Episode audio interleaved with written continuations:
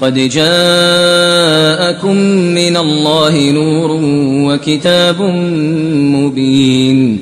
يهدي به الله من اتبع رضوانه سبل السلام ويخرجهم من الظلمات إلى النور بإذنه ويهديهم إلى صراط مستقيم. السلام عليكم ورحمة الله وبركاته. بسم الله الرحمن الرحيم الحمد لله رب العالمين والصلاة والسلام على أشرف المرسلين محمد وعلى آله وصحبه أجمعين وعلى كل من اقتفى أثره واستنى بسنته واهتدى بهداه إلى يوم الدين أما بعد فقد تناولنا في اللقاء الأخير شيئا مما يتعلق بتفسير سورة الحجرات ألا وهو بيان معنى السورة. دون أن نتحدث عن تلك المقدمة التي كان لابد منها في تذكير المسلمين بضرورة تدبر كلام رب العالمين. ومما تحدثنا عنه فيما يتعلق بسورة الحجرات هو أن الله عز وجل غاير بين ما كان معهودا لدى أهل الجاهلية ولدى العرب قديما وبين ما أنزله على نبيه محمد صلى الله عليه وسلم فسمى كتابه العظيم القرآن. وأيضا سماه الكتاب. ذلك ليدلنا على أن القرآن يكتب أيضا كما يحفظ يكتب في السطور ويحفظ في الصدور. فجمع له شاهدين اثنين أن تضل إحداهما فتذكر إحداهما الأخرى. يعني إذا أخطأ الإنسان في الحفظ عدله المكتوب. وإذا أخطأ الإنسان في الكتاب عدله المحفوظ وهكذا.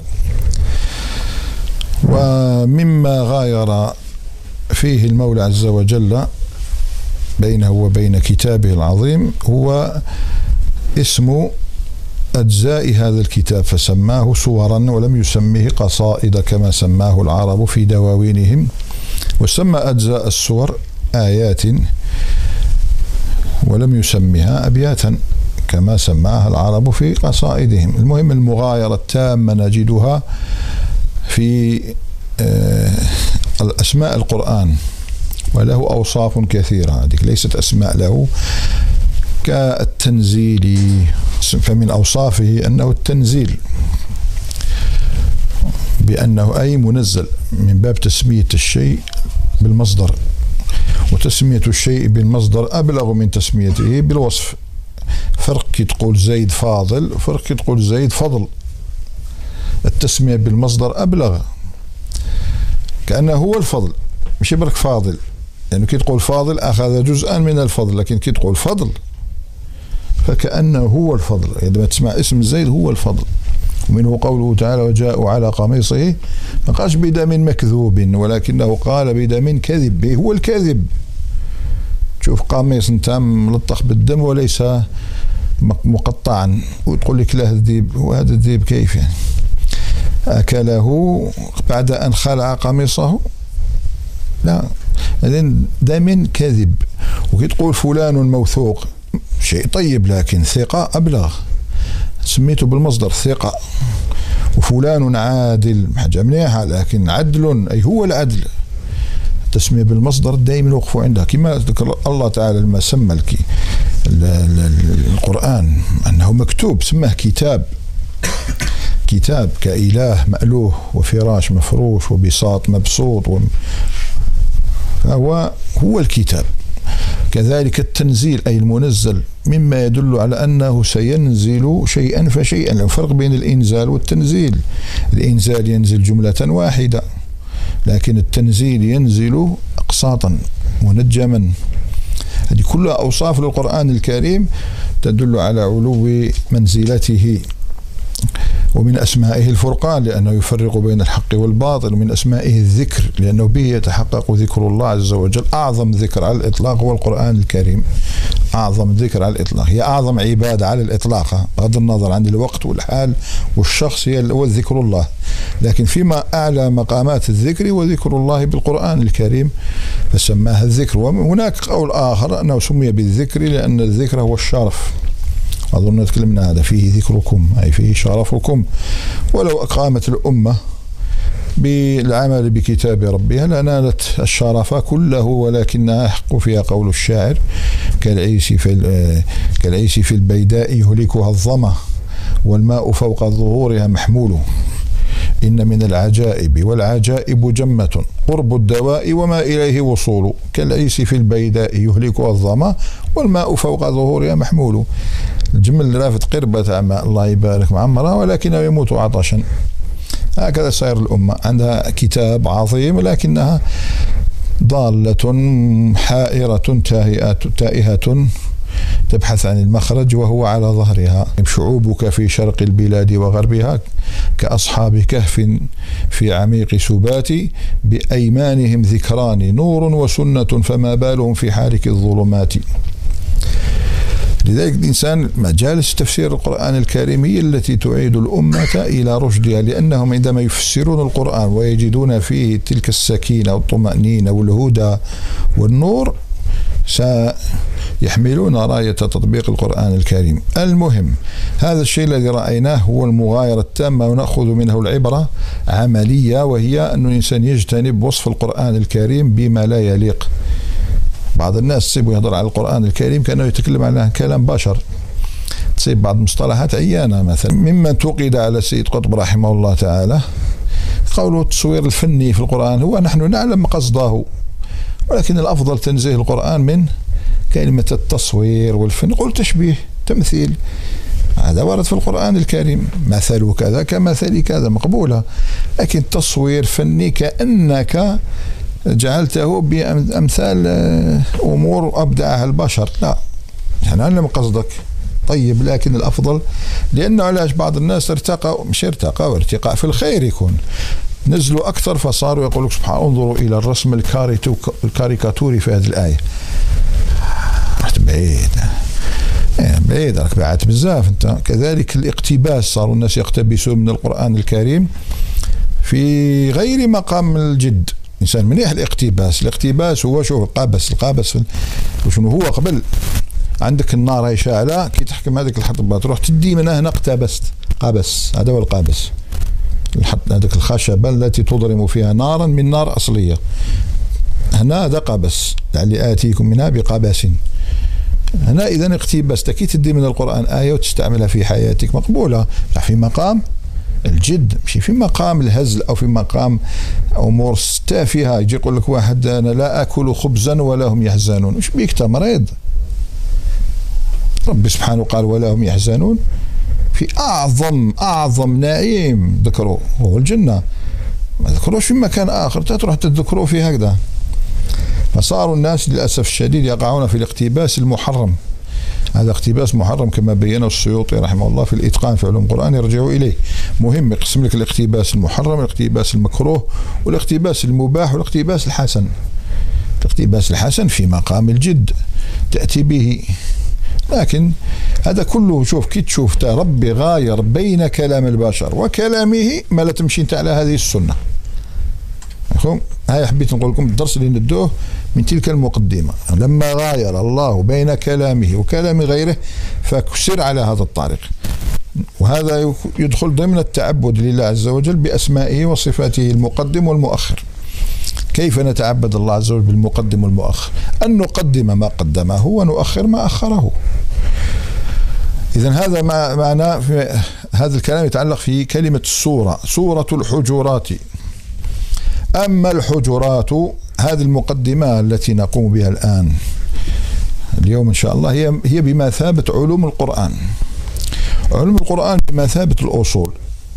علوم القرآن هي أصول الفقه مثلا مثلا. وبعدين تقرأ الفقه. من غير المعقول الإنسان يقرأ فقه ولا يطبق الأصول تاع الفقه عليه. يحاول علاش؟ لكي ينتعش أصول الفقه في ذهن الطالب. وإلا لو ما تخرجش الأصول الفروع على الاصول أصول الفقه اللي تقراها تموت لك. تموت معلومات تموت مع الأيام. إنسان يقرأ الحديث مثلا ويمر بحديث ضعيف إيه تفضل بين العلة نتاعو حتى تنعش ذهنك الذي درس علم الحديث النظري. خلي العملي اللي يقرا النحو لا بد من إعراب للنحو. والله تقرأ الكتاب الكتاب تاع سيباويه. عند سيباويه. تقعد دائما في الصفر وكما تعرفش. هذه ما تعيش روحك تقرأ النحو بلا إعراب غير روح روح شوف خدمة واحدة أخرى بك تنفع بها المسلمين. خاطرك تضيع في وقتك. لما قال ابن الجزري وليس بينه وبين تركه إلا رياضة امرئ بفكه. وهو يقصد علم التجويد. هو لم ي... العلماء يقول هذا ليس خاصا بعلم التجويد.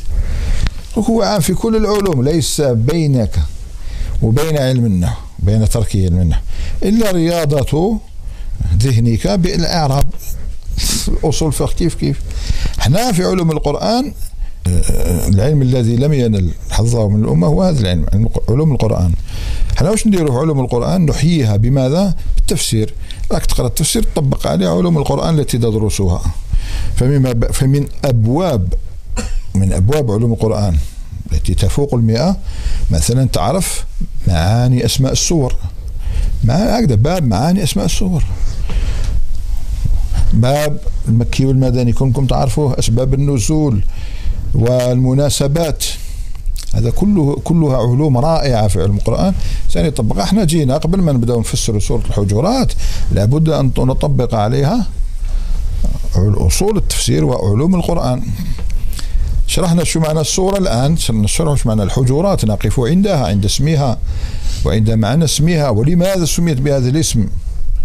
ما هو فضلها؟ هل هي مكية أو مدنية؟ هذا كله لابد أن نعرفه. الحجرات أنت كي لك تدرسها واحد يقول لك لماذا شيخ راك تقول ان نثبت اسمها قبل كل شيء؟ وهل هناك خلاف بين المسلمين في تسميتها بالحجرات الحجر يقول لك إحنا لكي ننتقل من علم اليقين إلى عين اليقين. سكي قرأ معلومات هو يعرفها ثم يجد دليلها. فإنه يزداد وثوقا ويقينا بأن هذا الكتاب مستحيل أن تكون يد التحريف قد طالت. مستحيل. بحثوا في أمور لا, لا يعقل لا تعقل. في نهاره وليله في صيفه وشتائه. بحثوا عن كل شيء. هادو راح يضيعوا لك حرف منه؟ مستحيل. يعني دقائق. القرآن بحثوها. عدد حروفه وعدد كلماته ما خلاو شيء. فتتيقن بأن هذا القرآن فعلا كما قال ربنا إنا نحن نزلنا الذكر وإنا له لحافظون. هي اسمها الحجرات ثبت هذا في مسند الإمام أحمد عن الحارث بن درار الخزاعي. سيأتي معنا إن شاء الله هذا الحديث. في تفسير قوله تعالى يا الذين آمنوا إن جاءكم فاسق بنبأ فتبينوا. في قصة فيه قصة ويرويها الحارث بن درار الخزاعي فيقول عندما يحكي لنا هذه القصة سبب النزول يقول فنزلت الحجرات. فهذا دليل على أن التسمية بالحجرات ليست تسمية تابعي لا أتباع التابعين لا, لا إنما هي تسمية إن لم تكن نبوية فهي عن الصحابة. أسماء السور منها ما ثبت قطعا عن رسول الله صلى الله عليه وسلم كتسميته البقرة وآل عمران. هو صرح بأن اسمي اسميهما كذلك تسمية سورة الإخلاص تسمية سورة الكهف. لكن بعض الصور ما عندناش الرسول صلى الله عليه وسلم قال أن هذه الصورة اسمها إنما ثبت عن الصحابة والصحابة إن شاء الله غالبا غالبا أخذوها عن رسول الله صلى الله عليه وسلم إن لم يأخذوها عن رسول الله عليه الصلاة والسلام فهو مما تواطأت عليه كلمتهم لأنهم هم الذين جمعوا القرآن فسموه لا شك. سموا الصور. إحنا نقف. إذا اسمها صورة الحجرات بلا شك. الإنسان كما يقول الزركشي في البرهان ولا بد لل ومعرفة أسماء السور فن عظيم. لماذا؟ لقالك لأن العرب من عاداتها أن تعطي المسميات أسماء فيها ندرة وفيها غرابة أنا يقول لكي يجلب السامع لهذا العنوان شنو هذا؟ عباك إنسان يسمع سورة البقرة هذه سورة البقرة؟ الجاهل ماذا يقول؟ يقول لك شو هذا القرآن؟ بقرة، نمل، عنكبوت، فيل. يقول روح تشوف تعرف لماذا سميت هذه الأسماء اللي أنت تشوفها غريبة هي المقصودة تسميتها بهذه الغرابة. لكي يجلبك لكي تفهم لماذا سميت هذه السورة بهذا الاسم. هذا السؤال الذي تطرحه. فتبدأ تبحث تجد العبرة العظيمة.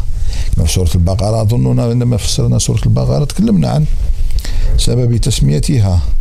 لأن الإنسان عندما يقرأ سورة البقرة سيجد العبرة منها هو إرساء شيء كان الكفار ينكرونه وهو البعث قضية البعث أهم قضية على الإطلاق يعني اليوم الآخر.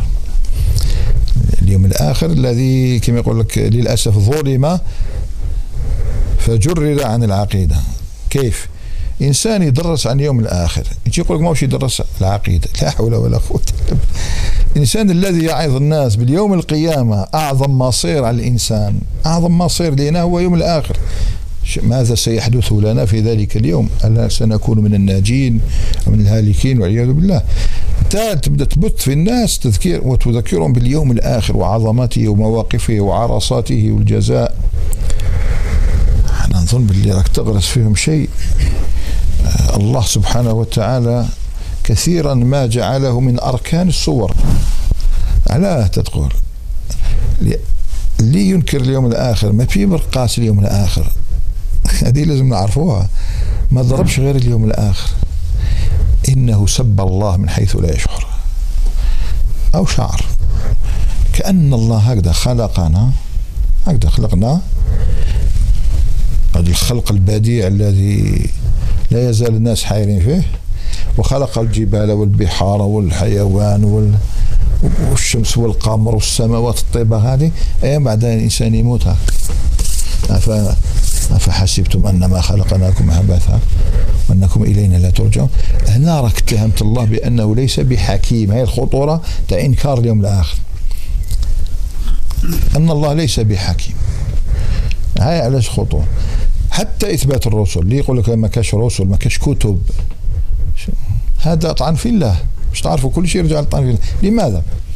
وش قال وما قدر الله حق قدره. إحنا كنا نستنى وش يقول وما قدر الله حق قدره إذ قالوا ليس هناك إله. صح. هكذا نتصور التتمة وما قدر الله حق قدره إذ قالوا ما أنزل الله على بشر من شيء. إنكار إنزال الكتب فيه طعن في الله. كانوا على بالك أي إنسان يبيع لك حاجة اليوم؟ كان يبيع لك هذا الباندويل هذا. ولا كاش اله جديدة دون كتالوج دون كتاب فيه شرح طريقة الاستعمال. هل يعد حكيما؟ كيف تصنع الشيء حط لنا كيف نستعمل هكذا هذا يقول على ربي. اللي خلقنا ربي سبحانه وتعالى ما بينناش كيفاش نعيشوا كيفاش؟ كيفاش نعرفوه كيف؟ هذا اتهام لله بأنه ليس بحكيم والعياذ بالله. تعالى الله عن ذلك علوا كبيرا فقصة البقرة جاءت لتثبت هذا الأمر الخطير وهو إنكار إنكارهم اليوم الآخر. فلما قتل ذلك يقولون إنه ابن أخيه المهم قتل ذلك الإنسان الغني وكان هذا ابن أخيه طامعا في الميراث. حسب حديث ابن عباس كان طامعا في أن يرثه ومن استعجل الشيء قبل أوانه ابتلي بحرمانه. القاتل لا يرث القاتل. فقتله ووضعه أمام مدخل قرية التجار هذوك الذين أتوا. أصبح الناس وجدوا القتيل أمام أولئك التجار فاتهموهم بذلك. صار خلاف عرفوا. حتى إحنا في الشرع عندنا شيء اسمه القسامة. القسامة هي أن يوجد قتيل على أبواب قرية. تنوض صباح ربي تصيب قتيل بقرية القارينة وش تدل باللي هما اللي قتلوه. إيه لكن ما عندكش دليل هذا يسمى اللوث. اللوث هي البينة الضعيفة ماشي سهل تقنع الناس باللي ماشي هما وباللي لازم دليل قاطع. لا إحنا ماذا بينا؟ نحيو الفتنة. مش يقوم خمسون من تلك القرية خمسون شهود. من اعيانهم من أعيان تلك القرية يقومون ويشهدون بأنهم ليس القتيل ليس منهم. عندئذ خلاص تسقط الدعوة على القتل تعطى يعطون الدية. يعطون الدية درءا للمفسدة. صح مسلم تجدون حديث القسامة. نعود فنقول اختلفوا أنتم. وإذ قتلتم نفسا فادارأتم فيها. أنتم تقولون أنتم أنتم تقولون ماشي إحنا دارأتم تدافعتموها. ذهبوا إلى موسى عليه السلام. كانوا يستناو يقول باللي نديروا التحريات. إن الله يأمركم أن تذبحوا بقرة. شيء عجيب. حتى فهموا باللي راه يتمسخر بهم. تتخذونه هزوا؟ قال أعوذ بالله أن أكون جاهلا حتى قال فقلنا اضربوه ببعضها. كذلك يحيي الله الموت ويريكم آياته. عمك ضربوه ببعضها. ناض من قتلك فلان؟ وعاود مات. الناس تشوف أمام أعينهم كيف يحيي الله الموتى. خلاص عادي. يحيينا كما أحيانا من قبل. أكد هذه القضية بسبعين الذين صعقوا. في سبعين. فأخذتكم الصاعقة وأنتم تنظرون. فأخذتكم ماتوا عودوا حياهم قصة الأربعين ألفا الذين خرجوا من ديارهم ألوف حذر الموت. هذو هربوا من الطاعون. فأماتهم الله عز وجل. فقال لهم موتوا. ثم أحياهم. أحياهم. ثلاثة الرابعة قصة من شم بعزير. وهو ليس هناك دليل على أنه عزير. لكن نقول رجل صالح. مئة عام ثم بعثه. قصة الخامسة إبراهيم عليه السلام على الطير. كلها في إحياء الموتى. لكن لما كانت في قصة السبعين ما كان شاهد. قاع ماتوا في سبعين. شكون اللي شافهم؟ كي ماتوا. لولا الخبر. قصة الأربعين ألف شكون شافهم ماتوا؟ مفهوم؟ كاش واحد شاف مات. ولما اللي عندنا إحنا قصة وين شاف إبراهيم شاف كيف يحيي الله العصافير الطير. وذاك الرجل الصالح شاف كيف يحيي الله عز وجل ذلك الحمار. فانظر إلى العظمه كيف ننشزها ثم نكسوها لحمها وهذوك شافوا هذاك الميت كيناض. عندنا ثلاثة قصص هم يتنازعوا البطولة كما نقولوا. شكون اللي أعظم؟ يقول لك إبراهيم. لا. قال هذه صارت في الحيوان وهذه صارت في الحيوان تاع الحمار وتاع الطير. ماذا الخير اللي صارت في الإنسان لأن القضية هي بعث الإنسان من جديد. فاختار أن يسمي القصة الصورة كلها بأعظم قصة وهي سورة البقرة. تكون موعظة للناس سورة آل عمران تكون حجة على النصارى كي تقرأها. سيأتي إن شاء الله. مناسبة نقول على اسم آل عمران. سورة النساء واضحة سورة العنكبوت سورة النمل. سورة الحجرات. سنرى لماذا سمى الله عز وجل بسورة الحجرات. إذن هذا اسمها. سنرى سبب تسميتها. رأينا تثبيت اسمها. لكن اقفوا دائما عند الأسماء. وقديما قالوا مبين المكتوب من عنوانه هذا مثل شامي. إنسان يأتي باسم غريب حتى يلفت الانتباه. كان قادر بيسميها صورة مقام محمد صلى الله عليه وسلم صورة الجهاد صورة الحجرات. مثل ما تألف رسالة أو قصة وتسميها مثلا كاسة شاي كاس شاي. هذاك الناس قاعد تقراها. كاس شاي كيحبوا لا كاس شاي أنت تحب تقرأ تقول شنو هذه قصة كاس الشاي فإذا بك ترى قصة اجتماعية لإنسان عامل يحرث يومه كله. طيلة شهر كامل هو أشبه شيء بالعبيد يعني. حبينا ولا كرهنا؟ النظام العالمي هذا جعلنا مثل العبيد. من الثامنة إلى الرابعة ساعتين مواصلات ترى المنكرات ضعف في الأوقات ضعف إيمان. بعدين تمسك راتبك يمر عليه عشرة أيام 15 يوم لا يوجد الراتب خلاص. فتبدأ الهموم والغموم تغزو قلبه ويظهر أثر ذلك عليه على نفسيته على معاملته لأهله على معاملته لأولاده. تكثر الديون عليه. خلاص هنا يبدأ باب الديون يفتح فتنهال عليه الهموم هموم أخرى هم الدين. في كل لحظة الزوجة تطالب بأشياء الابن يطالب بأشياء البنت تطالب بأشياء وهو صابر.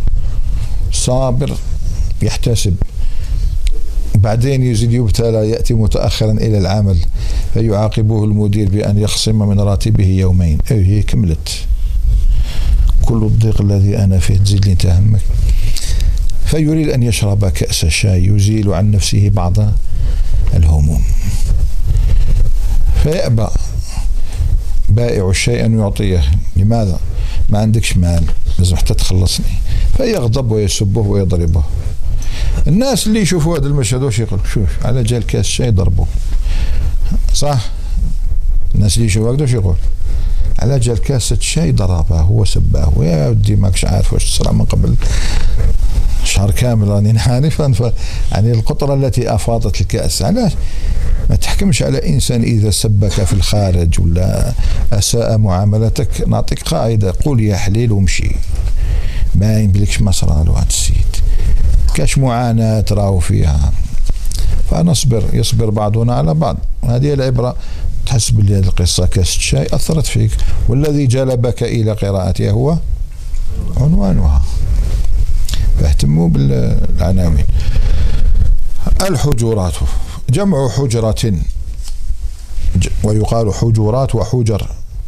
حجرات جمع مؤنث سالم. يفيد القلة والحجر لا هذا جمع تكسير يفيد الكثرة. قد يقول قائل كيف يا شيخ تقول الحجرات جمع جمع مؤنث سالم ونحن نرى أن الجيم تغيرت حركتها كانت في المفرد؟ في المفرد كيش كانت؟ حج راه ساكنة وفي الجمع ضمت حجرات كيف تقول سالم ولم يسلم ولم تسلم صيغته مفردا يقول لك لا أصبر. جمع المؤنث من قواعده من قواعد صيغته مستحيل تنطق به إلا بهذه الصيغة. لا بد من تغيير عينه. هذا شغل استثناء. هو في الحقيقة ماشي استثناء. جمع المؤنث السالم هكذا ربي خلقه وقعد ونسميوه سالم. لا يضره تحريك عينه العين هي الحرف الثاني. هذه هكذا مصنوع. الجمع المتسالم بشرط يكون اسم اسما ثلاثيا مؤنثا صحيح العين. لازم يكون صحيح العين. كما قال ابن مالك رحمه الله والسالم العين الثلاثي اسما أنل.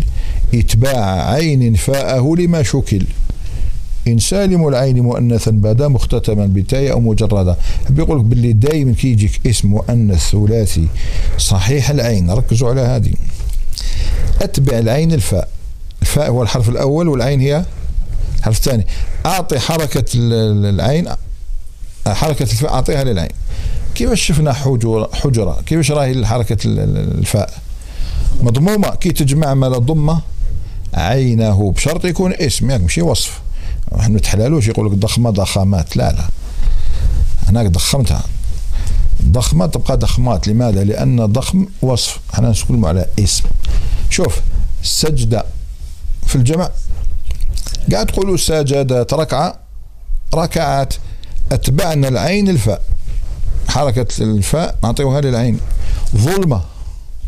ظلمات حجرة. حجرات غرفة غرفات. بقات الكسرة. كسرة.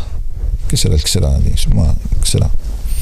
مجموعة كسرات أتبع العين.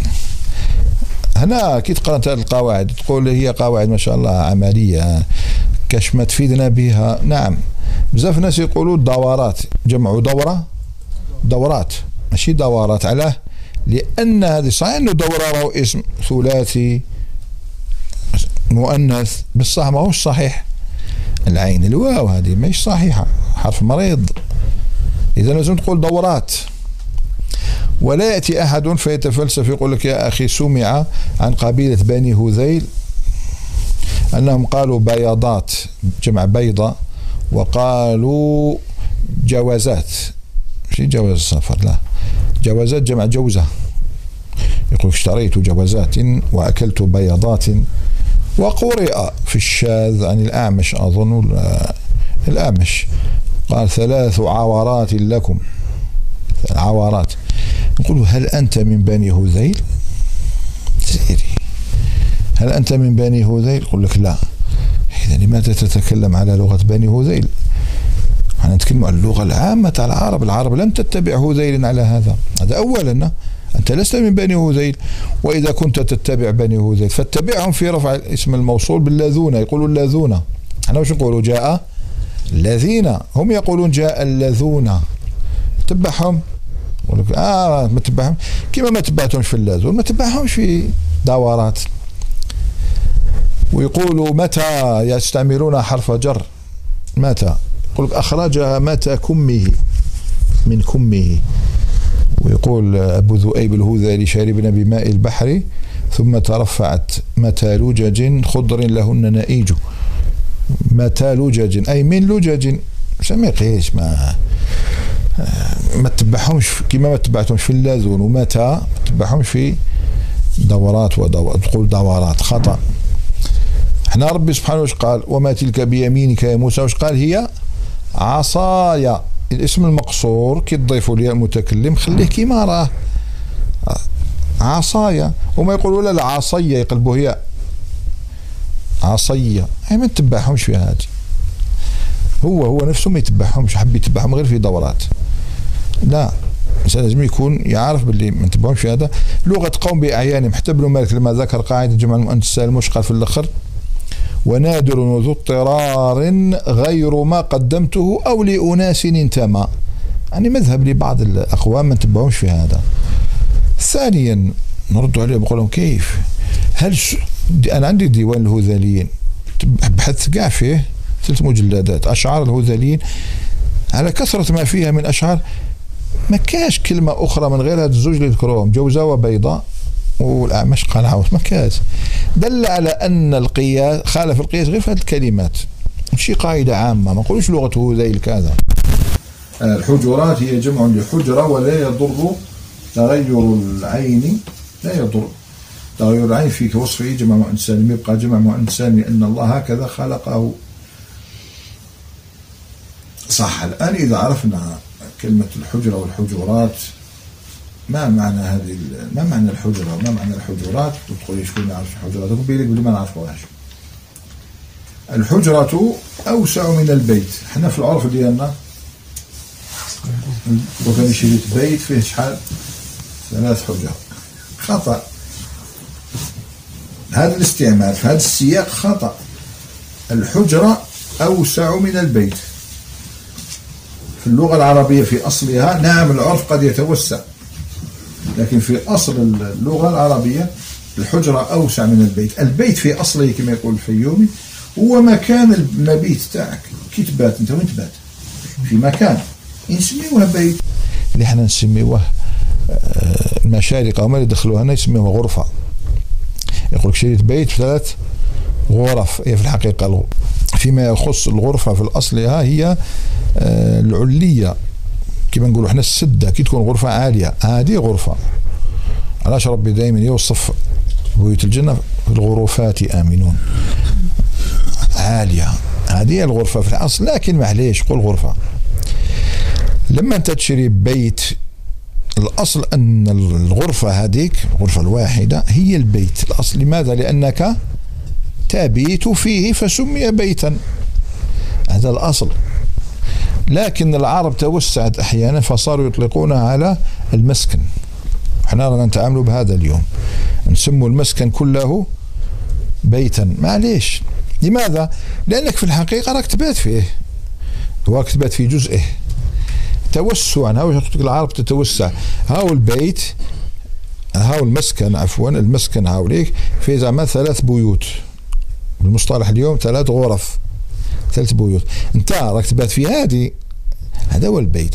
بصح لما انت عموما راك تبات في هذه المنطقة اسمها بيت راك تبات فيها. راك تبات خارجها. هاو التوسع هنا حدث. إذا الحجرة أوسع من البيت. الحجرة هي بناء يضم بيوتا. الحجرة بناء يضم بيوتا. حجرة وحدة فيها بيتان. ثلاث بيوت. إحنا اليوم يظن أن الحجرة أصغر من من البيت وهذا خطأ. البيت أصغر من الحجرة في الأصل ويدل على هذا الحديث المعروف في مسلم الإمام أحمد عن أم حميد الساعدي. امرأة أبي حميد الساعدي رضي الله عنهما جاءت تشكو إلى رسول الله صلى الله عليه وسلم يعني إن أزواجنا يمنعوننا من الذهاب إلى المسجد وإني أحب الصلاة معك يا رسول الله صلى الله عليه وسلم. فقال أما إني لأعلم أنك تحبين الصلاة معي. هذا شيء معروف لكن مش قالها؟ ولكن صلاتك في بيتك خير من صلاتك في حجرتك. وصلاتك في حجرتك خير من صلاتك في دارك. وصلاتك في دارك. أو يتوسع هنا لا. شوف ده بيتك. خير من صلاتك في حجرتك. صلاتك في حجرتك خير من صلاتك في دارك. وصلاتك في دارك خير من صلاتك في مسجد قومك. وصلاتك في مسجد قومك خير من صلاتك في مسجد هذا. ونحن نعلم أن الصلاة في مسجد الرسول صلى الله عليه وسلم تعدل ألف صلاة كأنه يقول لك إن صلاة المرأة في بيتها تعدل أكثر من ألف صلاة. لو كان لو كنا يفقه يفقهن صلاتك في بيتك. صلي قال لك عندك حلقة تاع قرآن. إيه صلي في بيتك. والحقي بالحلقة إلى قريب المسجد. الحقي بالحلقة. بل تصلي في قعر بيتها في خدرها أين تنام؟ سنة. تتخذها المرأة تصلي دائما في مكان معين. تتخذه مسجدا. حتى الراجل على كل حال من السنة أن يتخذ مصلى في بيته يصلي فيه دائما لكن المرأة في خدرها. أقرب ما تكون المرأة وهي تصلي في قعر بيتها في ظلمته أقصى بيت.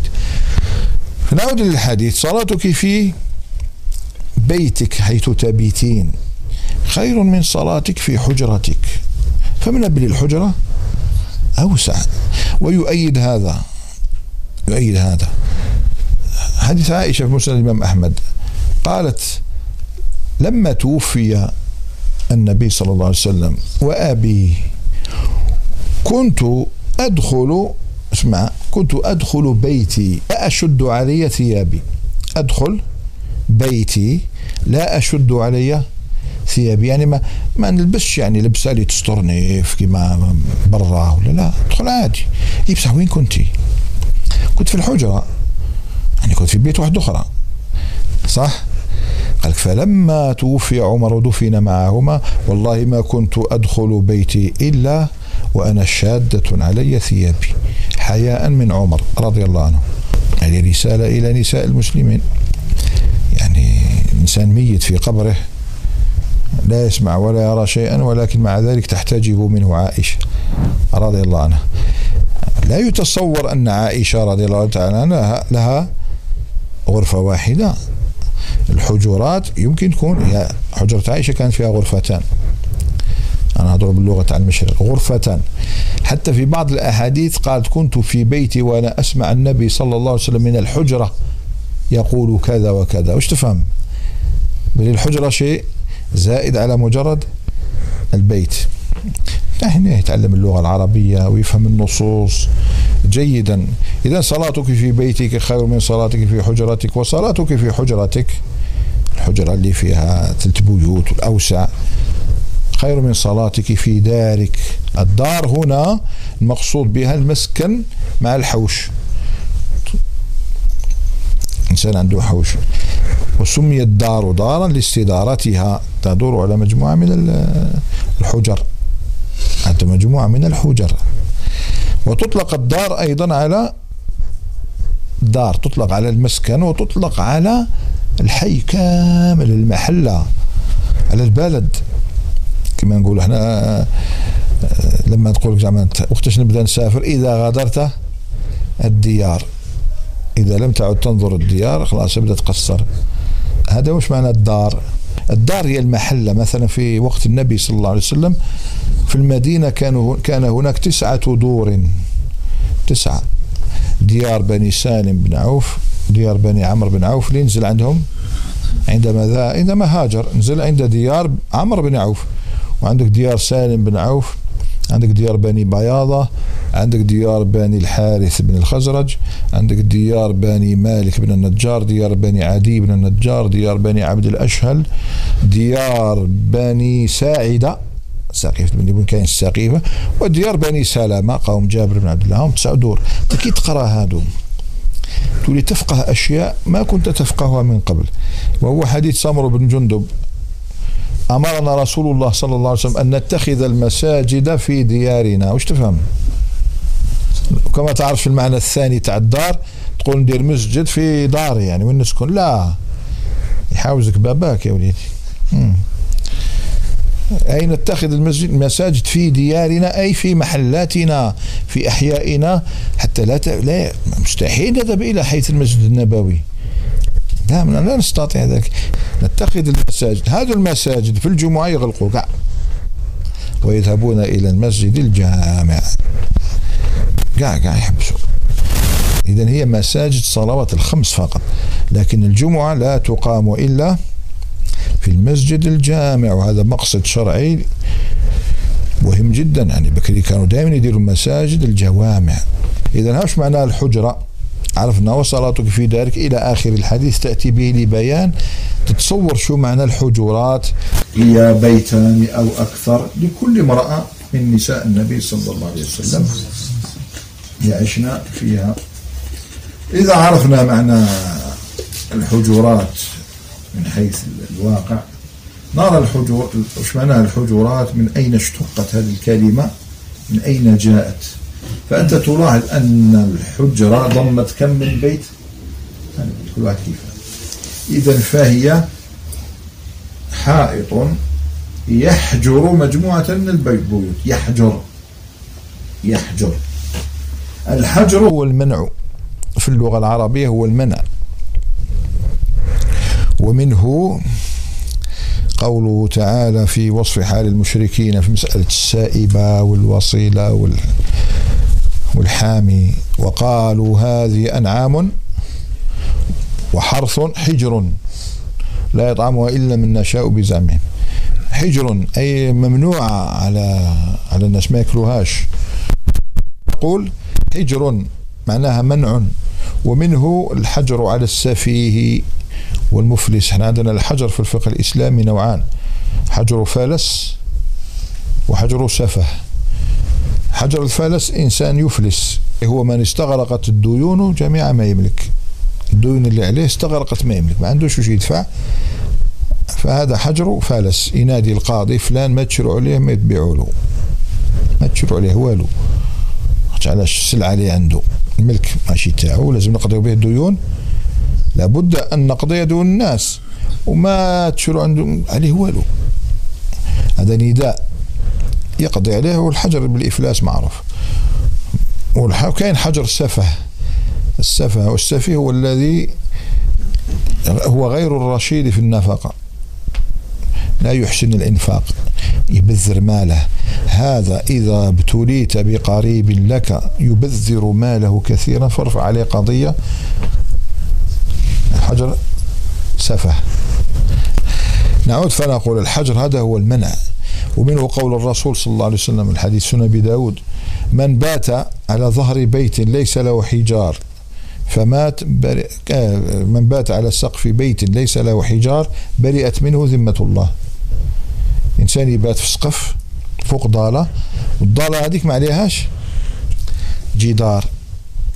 ويطيح برئت منه الذمة. يعني مش معنى ما يقولكش بلي ربي يحفظني. لا لا برئت منه الذمة. ربي ما تكفلش بحفظك. شحال؟ صعيبة. لماذا؟ لأنك لم تتخذ الأسباب. ربي سبحانه وتعالى أمرنا بالأسباب ومن طعن في الأسباب فليس له عقل. برئت منه الذمة. ربي يقول لك ما أنا تجيب الأذكار كاع ما نتكفلش بحفظك. آكلك إلى نفسك. الإنسان يحذر وقيس على هذا ما يحدث اليوم الذين آه، يحليل على كل حال. تنساوش كلمة يحليل. ياك أعطيتها لكم مقبل. مشيوا بها تعيشوا لكن آه، إحنا نبين الحكم الشرعي. هذا الإنسان الذي يركب زورق والبحر ينهض. لا. برئت برئت منك الذمة أين السبب الوقاية لا. يقول بلي توكلوا على الله. لا. أنا طعنت في الشريعة.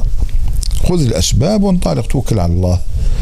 نعود فنقول إذا عرف معنى الحجر سميت الحجرة حجرة. لماذا؟ لأنها تمنع تمنع غيرك من أن يلج إلى بيتك حيث أغراضك وأعراضك ونحو ذلك هذا في, في معنى الحجرة من حيث الاسم من حيث الاشتقاق من حيث الثبوت.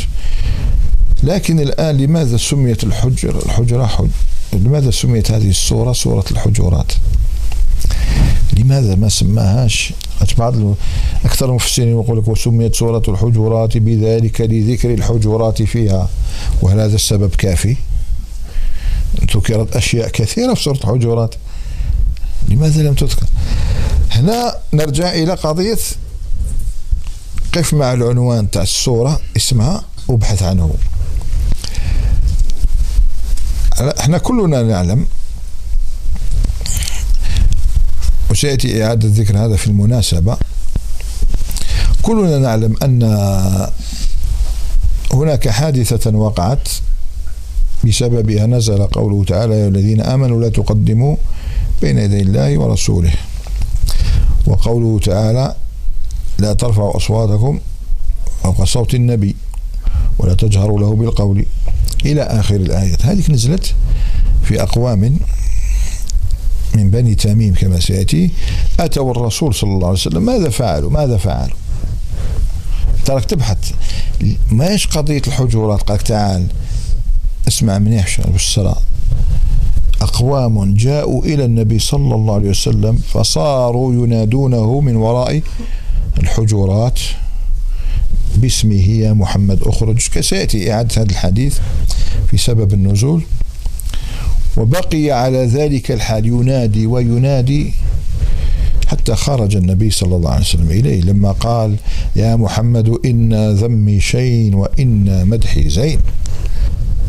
فهنا أنت تجد بأن سبحان الله هؤلاء آذوا الرسول صلى الله عليه وسلم بمنادات فقط بمجرد المنادات من وراء الحجرات وتكرار تلك المنادات. فنزلت آية تذب عن النبي صلى الله عليه وسلم. وتدفع عنه هذا الأذى فما بالك بأذى آخر؟ هنا المسلم يأخذ موعظة في مقام الرسول صلى الله عليه وسلم. كأن هذه الصورة الصورة هذه هذه الحادثة هذه وهذا الاسم جاء ليذب عن عرض النبي أو ليذب عن مقام الرسول صلى الله عليه وسلم. لأيها المؤمنون احذروا أذية النبي صلى الله عليه وسلم. فقد أنزلت آيات في هذه الصورة من أجل أقوام آذوه فقط بالمنادات. أنا أظن باللي واحد كي يناديك ويكثر خاصة إذا كان من الأعراب. انظن بلي هذا الامر ماهوش جليل وخطير جدا ولا غلط. مش كيما واحد يسبك ولا يعصي أمرك. أيها الناس إياكم أن تؤذوا رسول الله صلى الله عليه وسلم. فكانت رسالة للصحابة جميعا للمسلمين جميعا. كي تعرف علاش سميت بهذا حتى يقودك إلى معرفة القصة التي فيها فتخرج منها بهذه العبرة. أن الله غار على نبيه صلى الله عليه وسلم. كيف تؤذيه بهذه المنادات؟ وهو في الحقيقة غيض من فيض ما يفعله كثير من الناس من أذى رسول الله عليه الصلاة والسلام خاصة أن مآل هؤلاء بني تميم كان إلى خير بعد ذلك. إذا عرفنا لماذا سميت بهذا الاسم للذب عن رسول الله صلى الله عليه وسلم وحفظ مقامه والترهيب من أذيته الحجرات خط أحمر رسول الله صلى الله عليه وسلم. هذا فيما يتعلق باسمها لكن لا بد من ذكر مناسبة. المناسبة لأنه علم المناسبات علم جليل. علاش نذكر علم المناسبات وإلا الحديث عن المناسبة يحتاج فصل خاص في هذه الصورة. لأنه يعني انتقلنا إلى علم آخر من علوم القرآن. وإلا ما زال عندنا الحديث عن سورة الحجرات من حيث فضلها وموضوعها. بالمناسبة أتحدث عنها الآن لكي تعضد ما قلناه في سبب تسميتها بالحجرات بأنها تذب عن رسول الله صلى الله عليه وسلم. انتبهوا معنا. المناسبة هي كاين مناسبة بين السور وكاين مناسبة بين الآيات. هذا الذي يعرفه أكثر الناس. وهذا هو الأصل. أنا أقول تعلم هذا مناسبة بين السور يعني هذه السورة علاش جات مور هذه وهذه علاش مور هذه هذه مناسبة بين السور. أحيانا ولا مناسبات بين الآيات. مناسبة بين الصور. مثلا جاءت سورة البقرة بعد الفاتحة. لماذا؟ باينة لأن الله ذكر في الفاتحة استعاء سؤال الله الصراط المستقيم صراط الذين أنعمت عليهم غير المغضوب عليهم شكون؟ اليهود تناولتهم بسورة البقرة. تحدثت عنهم. والضالين شكون؟ النصارى تناولتهم سورة آل عمران.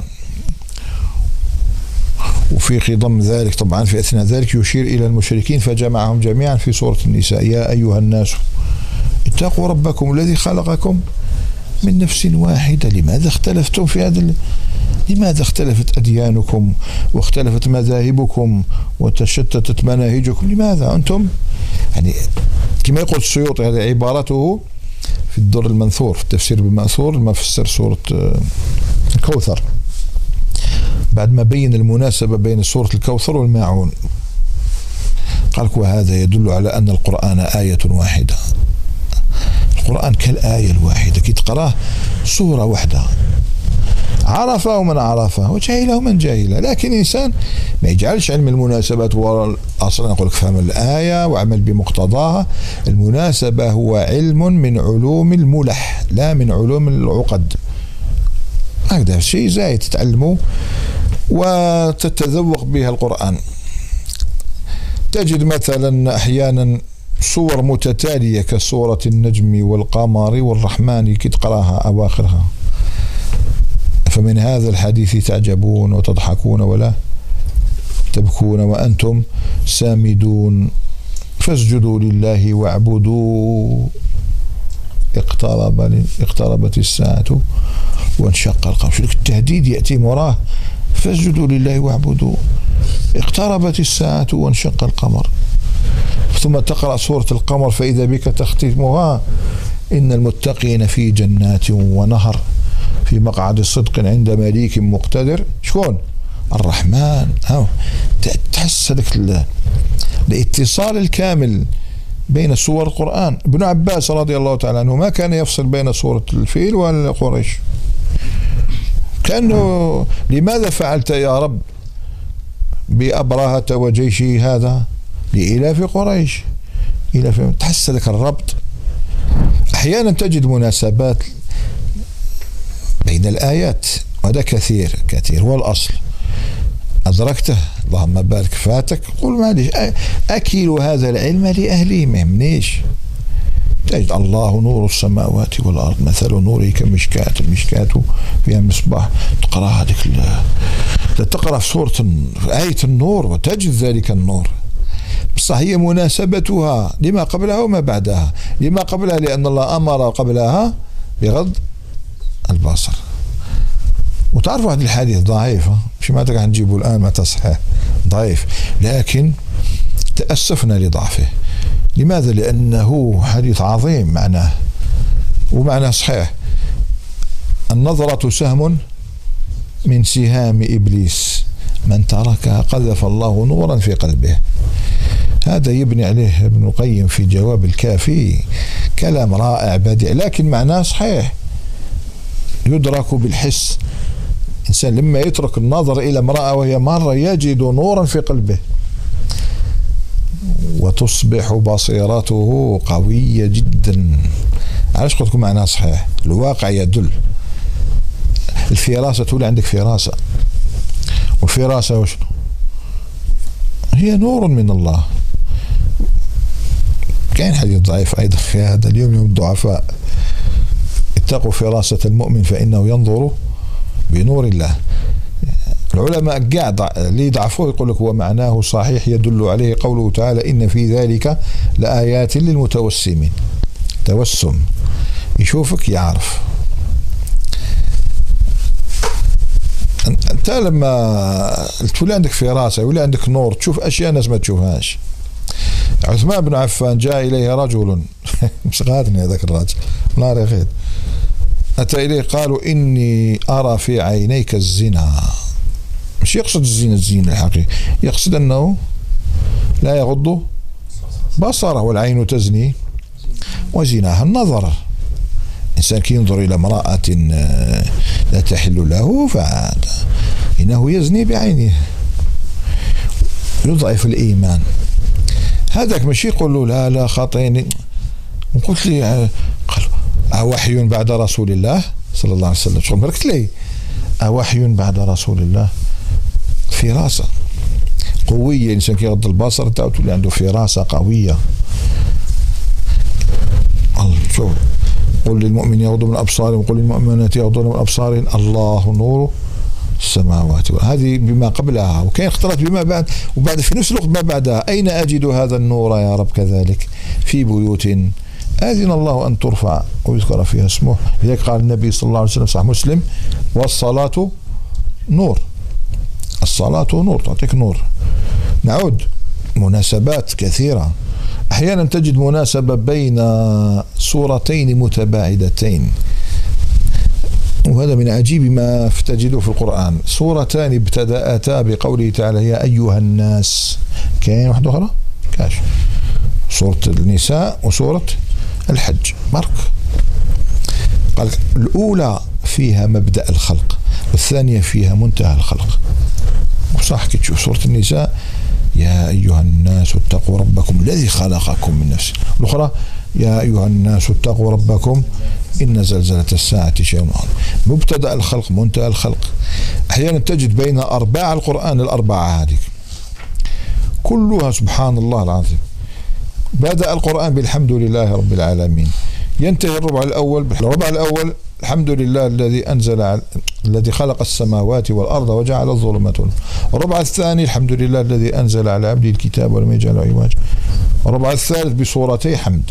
الحمد لله الذي له ما في السماوات وما في الأرض وله الحمد في الآخرة وهو الحكيم الخبير. والثانية الحمد لله فاطر السماوات والأرض. وينتهي بالحمد. واش ينتهي؟ قل أعوذ برب الفلق قل أعوذ برب الناس. لماذا؟ لأن الله قسم الصلاة بين دعاء يعني بينه وبين عبده. ثلاثة أربعة عليك.